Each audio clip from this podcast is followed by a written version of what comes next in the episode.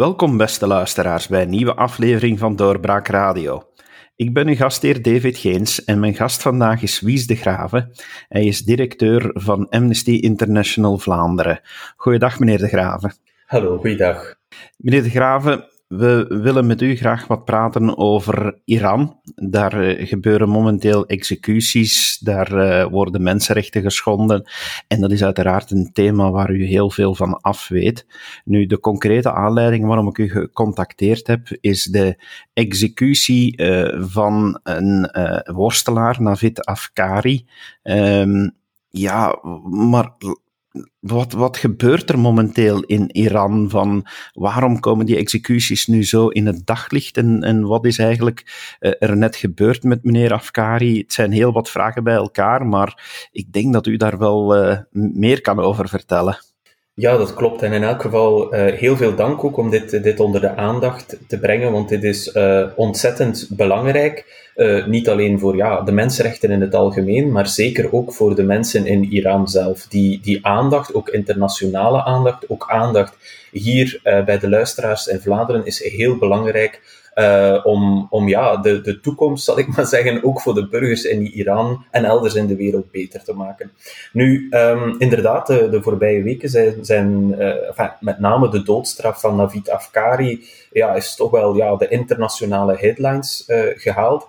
Maar jammer genoeg om al eventjes uit te zoomen. Navid Afkari is jammer genoeg absoluut niet de enige. Iran executeert meer dan 250 mensen per jaar, minstens. Uh, vorig jaar, uh, het jaar daarvoor. Dus dat is echt, Iran is echt een van de, ik zal maar zeggen, slechtste leerlingen in de klas als het over het toepassen van de doodstraf gaat. Hè. Enkel China executeert uh, meer mensen. Um, dus het is zeker niet zo dat dat een, een, een bijzondere uitzondering is dat iemand geëxecuteerd wordt, jammer genoeg. Nu, met Amnesty International en met ons heel veel mensen in de wereld om dat eventjes duidelijk te maken, wij zijn principieel altijd en overal tegen de doodstraf. We doen, wij campaignen al 40 jaar tegen de doodstraf. Waarom? Daar zijn heel veel argumenten voor, maar voor ons gaat het eigenlijk, is het vooral een, een, een, ja, een, een moreel uitgangspunt dat de doodstraf de ultieme onmenselijke behandeling is van een mens. En dus de ultieme vorm van foltering, en uh, ja, zoals u uh, misschien weet, foltering wordt in mensenrechtenverdragen en het internationaal recht uh, ja, absoluut verboden. De doodstraf is niet eigenlijk door internationaal recht verboden. Hè. Dus landen kunnen in principe eigenlijk juridisch die toepassen, maar voor ons, daar gaan we met Amnesty een stapje verder dan het internationaal recht. Voor ons is dat de ultieme onmenselijke behandeling. Dus wij zijn altijd en overal tegen de doodstraf, ook in Iran. Nu, um, om, om dus ja, er worden heel veel mensen geëxecuteerd in Iran. Soms gaat dat over uh, ja, bijvoorbeeld uh, drugsdelicten, hè, wat eigenlijk compleet onaanvaardbaar is, omdat dat natuurlijk niet de, de meest ernstige misdaden zijn. Hè. Het internationaal recht laat toe om de doodstraf uit te voeren bij de meest ernstige misdaden. Ja, drugsdelicten, dat is, is, zijn dat bijvoorbeeld al niet. Maar we zien het jammer genoeg ook dat de doodstraf ja, geïnstrumentaliseerd wordt, gebruikt wordt in Iran om ja, heel veel uh, ja, machtsmisbruik toe te passen, laat het, mij het, zo, laat mij zo zeggen. En dat brengt me eigenlijk bij het geval van Navid Afkari, de jonge man, 27 pas, die, die ja, pas uh, heel recent geëxecuteerd werd. Hij werd opgehangen, zoals, zoals vaak gebeurt in Iran. Nu, waarom, werd hij, uh, waarom had hij de doodstraf gekregen? Hij werd ervan beschuldigd om een geheim agent doodgestoken te hebben in augustus 2018. Nu, wat belangrijk is, is dat de context van augustus 2018, toen waren er protesten in Iran. Hè. Mensen kwamen op straat tegen uh, uh, te hoge graanprijzen, tegen de economische toestand in het land, tegen het gebrek aan vrijheid. En Navid Afkari werd opgepakt tijdens die protesten. Hij is, uh, had heel lang geen toegang tot een advocaat. Hij is uh, uh, gefolterd geweest. Hij heeft dan uiteindelijk bekentenissen afgelegd, maar er werd eigenlijk geen enkel bewijs aangedragen dat hij zou die moord gepleegd hebben. Hij kreeg ook geen eerlijk proces. Daar was ook geen toezicht op en zo verder. Hè. Dus, maar je ziet eigenlijk dat, dat Iran uh, Afkari, die een heel bekende figuur is. Hij was een worstelkampioen. En worstelen in Iran, dat is heel, um, een heel populaire sport. Ook een internationaal uh, gooide, die, gooide die hoge ogen in, in het worstelen. Dus een bekend figuur dat men eigenlijk gaat aangrijpen om via zijn executie uh, ja, mensen die eraan dachten om nog te gaan protesteren of om hun rechten te claimen in Iran, om die toch op andere gedachten te brengen. Dus dat is de context dat we moeten zien van waarom uh, Navid Afkaria zo'n zo'n ja, bekend figuur uh, in Iran en internationaal werd geëxecuteerd. Uh, ja, om, om ja, je kunt zeggen, een, een, een voorbeeld te stellen uh, naar, naar, ja, naar, naar, de mensen in Iran, misschien ook naar de internationale gemeenschap. En jammer genoeg, die protesten na augustus 2018 zijn er nog geweest. Bijvoorbeeld in november 2019 waren er ook heel grote protesten. En in een recent onderzoek hebben wij ook vastgesteld, hè, toen zijn meer dan 7000 mensen op één weekend opgepakt geweest, omdat ze hun mening lieten horen. Die zijn ook gefolterd geweest, mishandeld geweest. Een aantal van hen zijn ook tot de doodstraf veroordeeld, riskeren dus ook om geëxecuteerd te worden. Dus we zien dat, dat Iran die doodstraf gaat gebruiken om de repressie in het land uh, op te voeren. Dus Iran gaat die doodstraf niet clandestien uitvoeren. Ze, ze gebruiken het echt als voorbeeld voor anderen om ja, de protesten te onderdrukken. Maar ja, de, Iran past de doodstraf toe in heel veel, ja, clandestien, zo kun je het eigenlijk niet noemen. Zoals, zoals gezegd in het internationaal recht mag een land in principe de doodstraf, hè, er zijn nog veel landen hè, die de doodstraf, uh, gelukkig steeds minder, maar er zijn nog, hè, de Verenigde Staten bijvoorbeeld, past ook nog de doodstraf toe en heeft daar een bepaalde wetgeving rond. In Iran bestaat daar ook een bepaalde wetgeving rond. Maar enerzijds is die, in tegens, eh, is die, is die wel clandestien omdat de doodstraf niet beperkt wordt tot de meest ernstige misdaden, dat is dan bijvoorbeeld moord. En anderzijds is, het, is de rechtsgang, hè, het rechtsapparaat in Iran, zo ontransparant, uh, werkt dat zo uh, ja, vooringenomen, is dat zozeer eigenlijk een, een, een, ja, een verlengde van de uh, politieke en religieuze autoriteiten, ja, dat dat op geen enkele manier, dat je dat nog op geen enkele manier eigenlijk juridisch kan onderbouwen hoe de doodstraf gebruikt wordt. En inderdaad, zoals u terecht samenvat, we zien dat dat dus gebruikt wordt om in dit geval toch het borrelend protest in Iran, bij de mensen, ook zeker bij de jongeren, over uh, de toestand in het land en ook het gebrek aan vrijheid in het land, dat Iran dat gebruikt om dat te onderdrukken. Want vergeet niet, het, het, als we over het mensenrechtenpalmares van Iran spreken, spreken we over veel meer dan over de doodstraf. Hè. Ik, ik heb al een paar keer laten vallen, en de mensen komen op straat om vrijheid te eisen. Ja, dat is echt een rode draad. De vrijheden in Iran worden enorm opge, uh, uh, ingeperkt ja, op de eerste plaats het recht op vrijheid van meningsuiting. Uh, ik, ik kan u, uh, of ik geef graag nog een aantal andere uh, voorbeelden van mensen die zeer lange celstraffen uitzetten. Ik geef u eventjes het voorbeeld van Nazrin Sotoudeh. Dat is eigenlijk ook een vrij bekende figuur die um, eerder dit jaar trouwens een eredoctoraat kreeg aan de, aan de KU Leuven. Die dat niet kon komen ophalen omdat ze 38 jaar cel uitzit in Iran. Zij is een mensenrechtenadvocate, een vrouwenrechtenactiviste ook.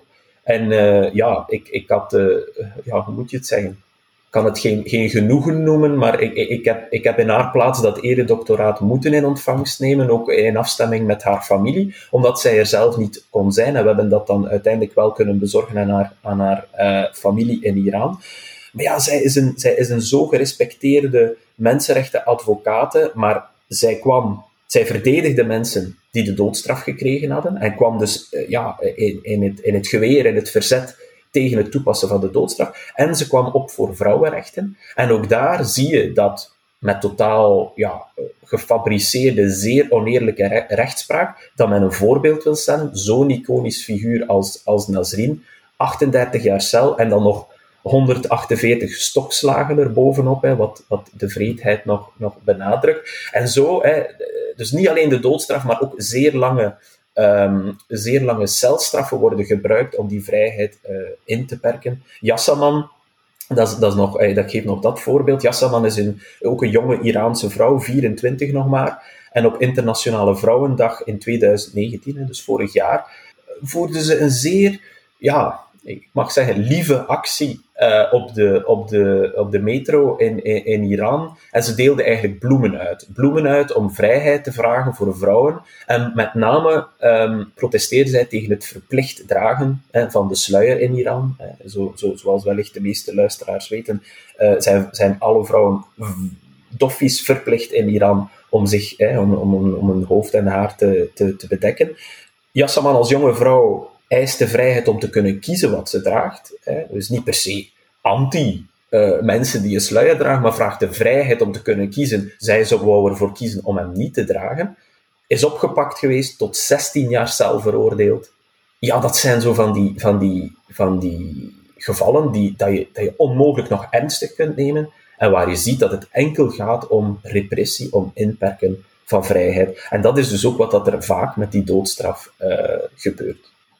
Het gaat natuurlijk breder dan de doodstraf alleen, want ik heb je al horen zeggen dat er dus ook foltering wordt toegepast, dat de gevangenen gemarteld worden.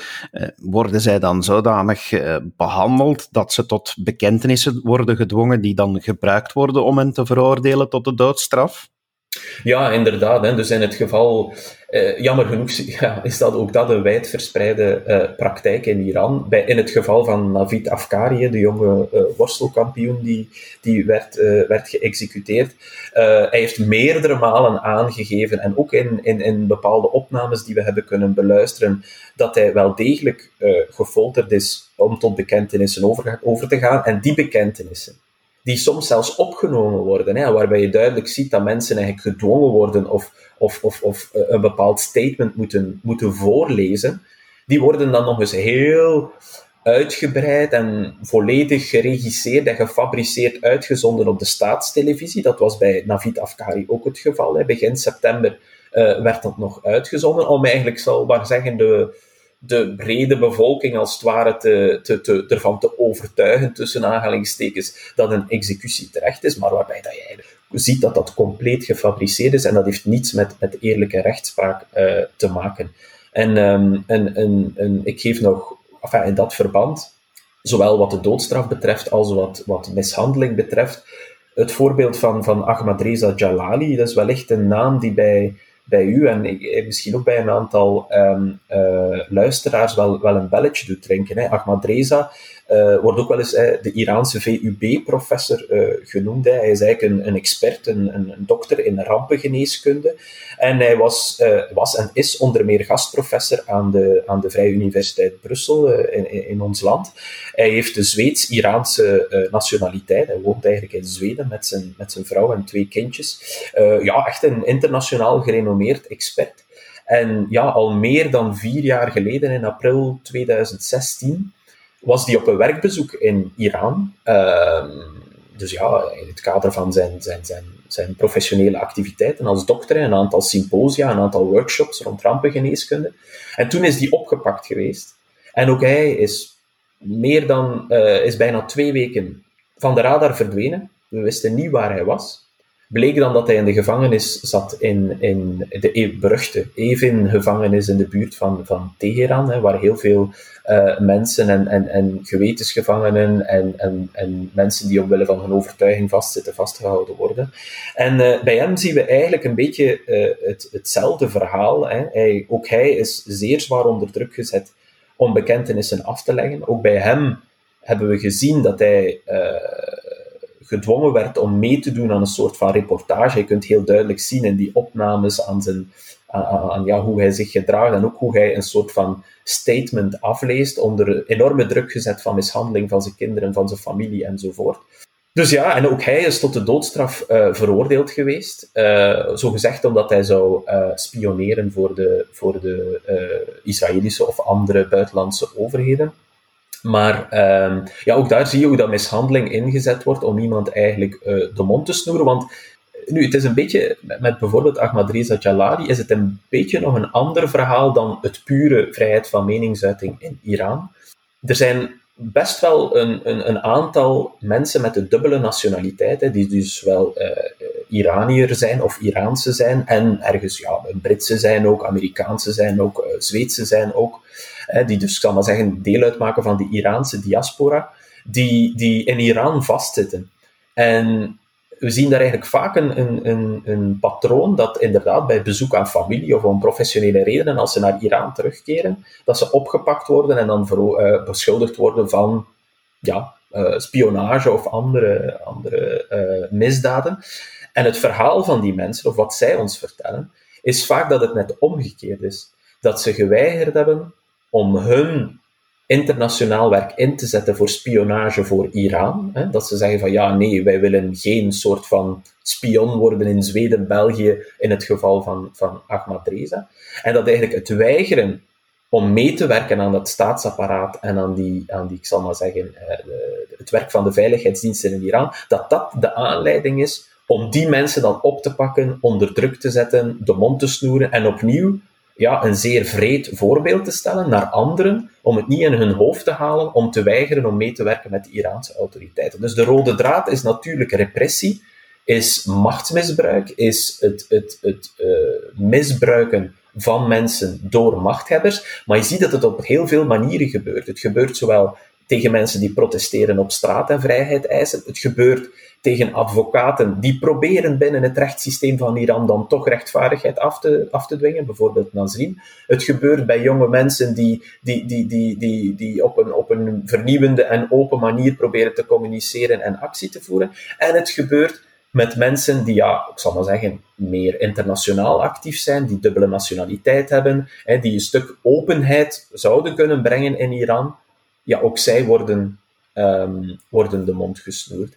En ja, dat is dus een, een, een verhaal dat, ja, ik, ik, ik, eh, we focussen, focussen ons nu natuurlijk op de situatie in Iran. Het is een verhaal dat ook in, jammer genoeg, in heel veel andere landen nog terugkomt, in, in, in, in, uh, in delen en in, in onderdelen daarvan.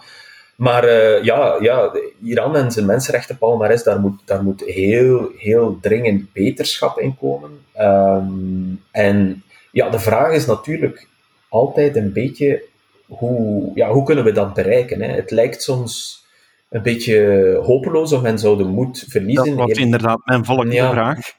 Um, ja, ik moet eerlijk toegeven, als bijvoorbeeld zo'n bericht um, over Navid Afkari, die jonge man, je kent het verhaal, je, je, je, je hebt een familie gehoord, gezien, uh, op, uh, weliswaar op opnames, maar goed. Um, ja, en dan komt dat nieuws binnen dat hij. Meestal, meestal voelen we wel aan dat er een executie zit aan te komen, want men plotseling verdwijnen die echt van de radar, kan de familie hen niet meer bereiken en dat is altijd een alarmsignaal dat er mogelijk een executie zit aan te komen. En dan, dan komt dat bericht binnen en dan, dat is echt een, een, een, een slag in, in mijn gezicht en in, in ons gezicht en ik denk in, in het gezicht van, ja, om nog maar niet te spreken van de familie van, van Navid.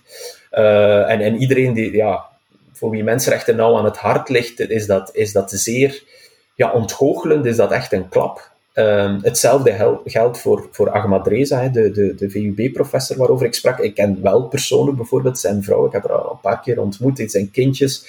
Ja, wij, communiceren vaak, wij volgen die zaak enorm op en daar zit geen beweging in. Je weet dat zijn situatie heel hard achteruit gaat. Uh, de coronapandemie maakt de situatie in de gevangenis in, Iran nog veel gevaarlijker. Terwijl Ahmad Reza als dokter en als expert in rampengeneeskunde net zou kunnen helpen in de pandemie.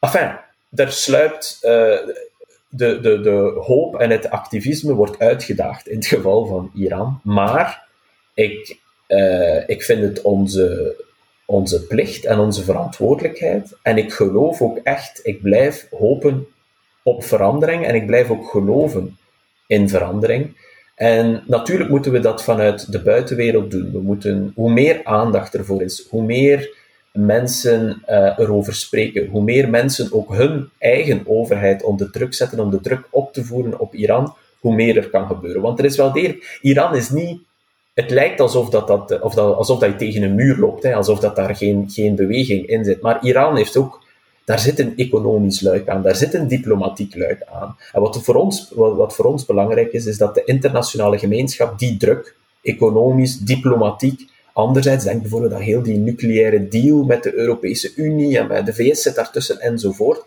In al die, ik zal maar zeggen, in al dat diplomatiek verkeer moeten mensenrechten veel meer op de voorgrond komen. Dat moet echt een, een conditio sine qua non worden om relaties te verbeteren in alle gesprekken, in alle uh, bilateraal of, of, of, of, internationale relaties moet dat, aan de, um, moet dat uh, ja, ter sprake komen. Maar dat is, dat is een heel belangrijke poot, denk ik. En dat, daar is ook een rol weggelegd voor ons, voor elk van ons, om uh, of dat dat nu met Amnesty International of op een andere manier is, om mee de druk hoog te houden. Zowel op Iran, Iraanse, te zeggen van, we zien u, we houden u in het oog, je kunt dit niet zomaar doen zonder dat de wereld het ziet.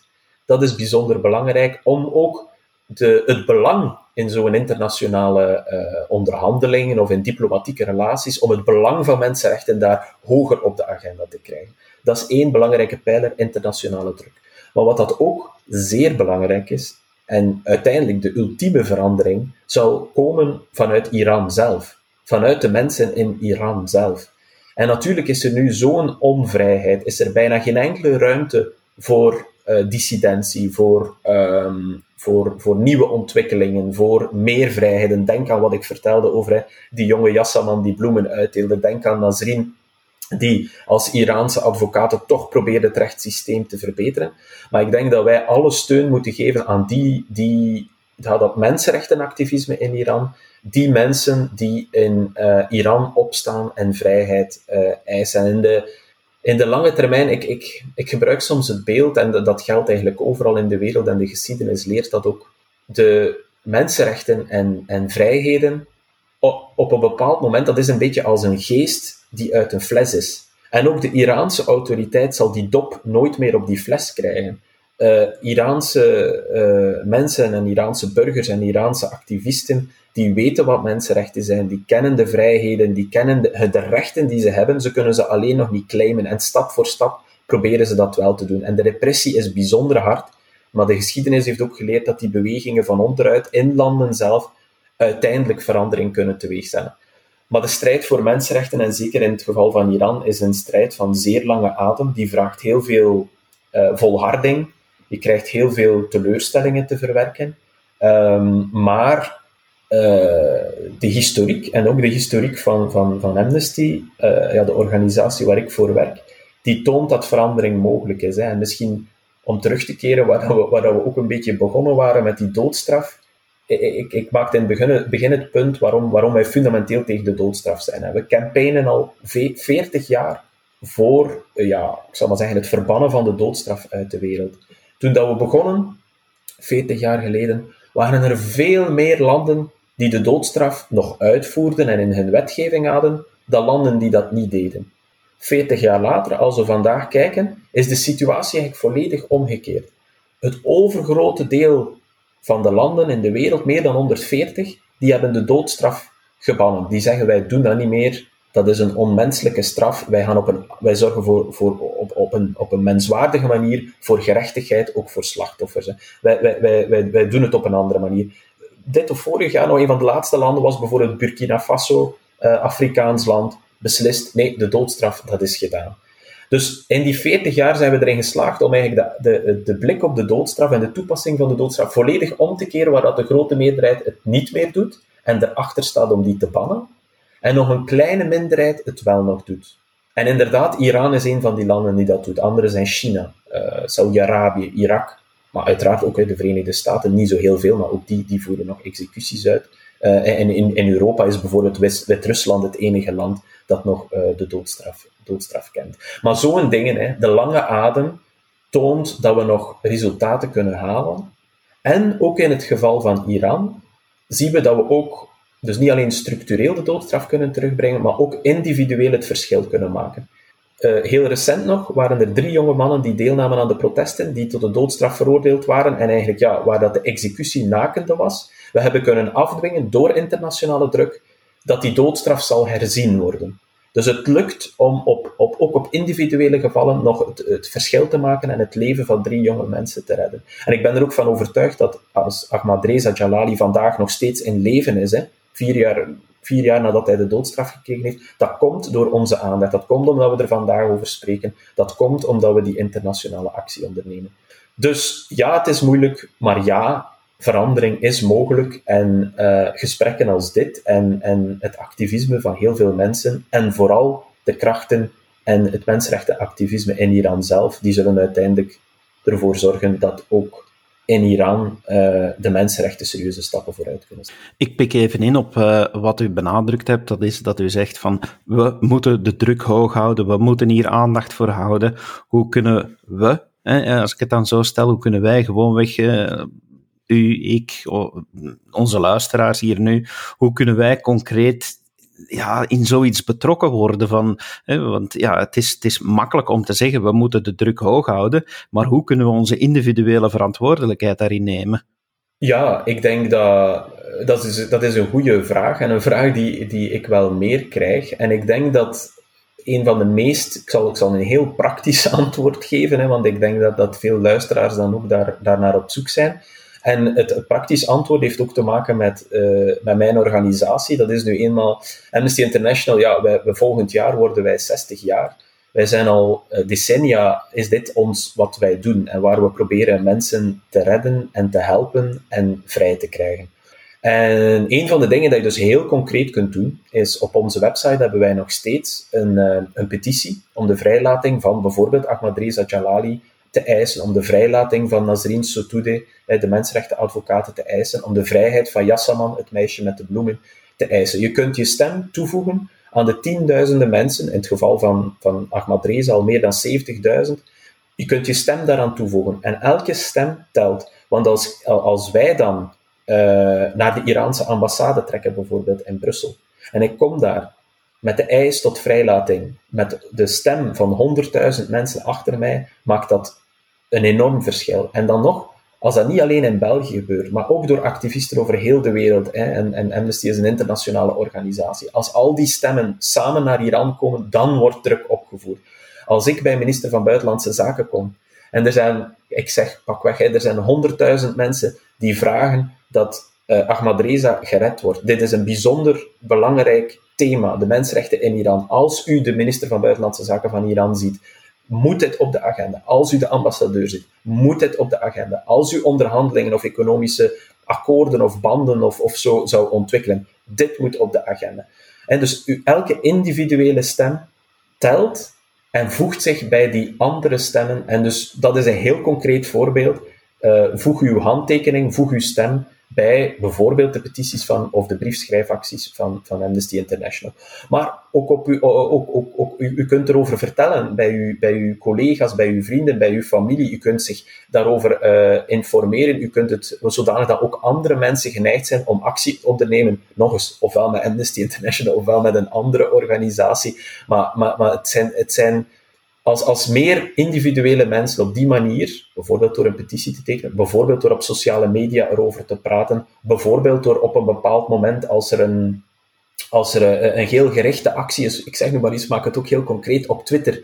Op Twitter kun je eigenlijk gericht naar de hoogste leider van Iran, hè, die heeft ook een Twitter-account, kun je echt, als dat van over heel de wereld gebeurt, als honderdduizenden mensen op een bepaald moment aandacht voor, vragen voor iets, dan maakt dat een verschil.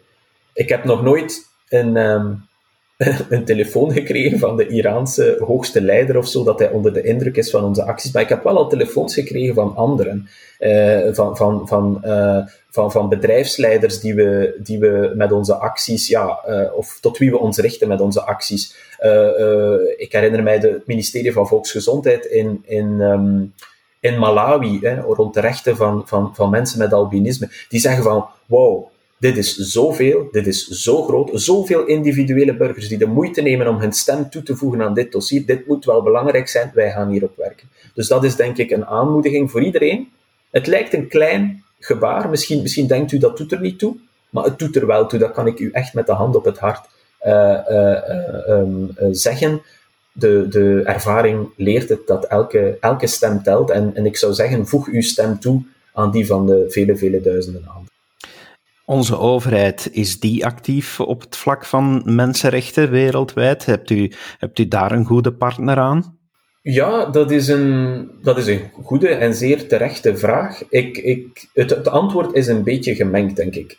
Enerzijds moeten we eh, gebied de eerlijkheid om te zeggen dat België mensenrechten heel vaak in zijn internationale relaties naar voren schuift. Ik, ik, um, vorig en dit jaar is, eh, is uh, België bijvoorbeeld lid van de VN-veiligheidsraad. Ze zijn een tijdje voorzitter geweest uh, eerder dit jaar. Ja, de VN-veiligheidsraad is toch nog altijd ja, de, de wereldregering, zal ik maar zeggen. Hè. Dus een enorm belangrijke zetel. Hè. En je moet daarin verkozen worden. Hè. En maar om de zoveel jaar krijg je de kans om daarin te zetelen als land. En België is daar verkozen geweest, heeft dat zetje genomen, maar een van de speerpunten waren mensenrechten. Dus je ziet dat België wel op het internationale toneel altijd die mensenrechten onder de aandacht brengt.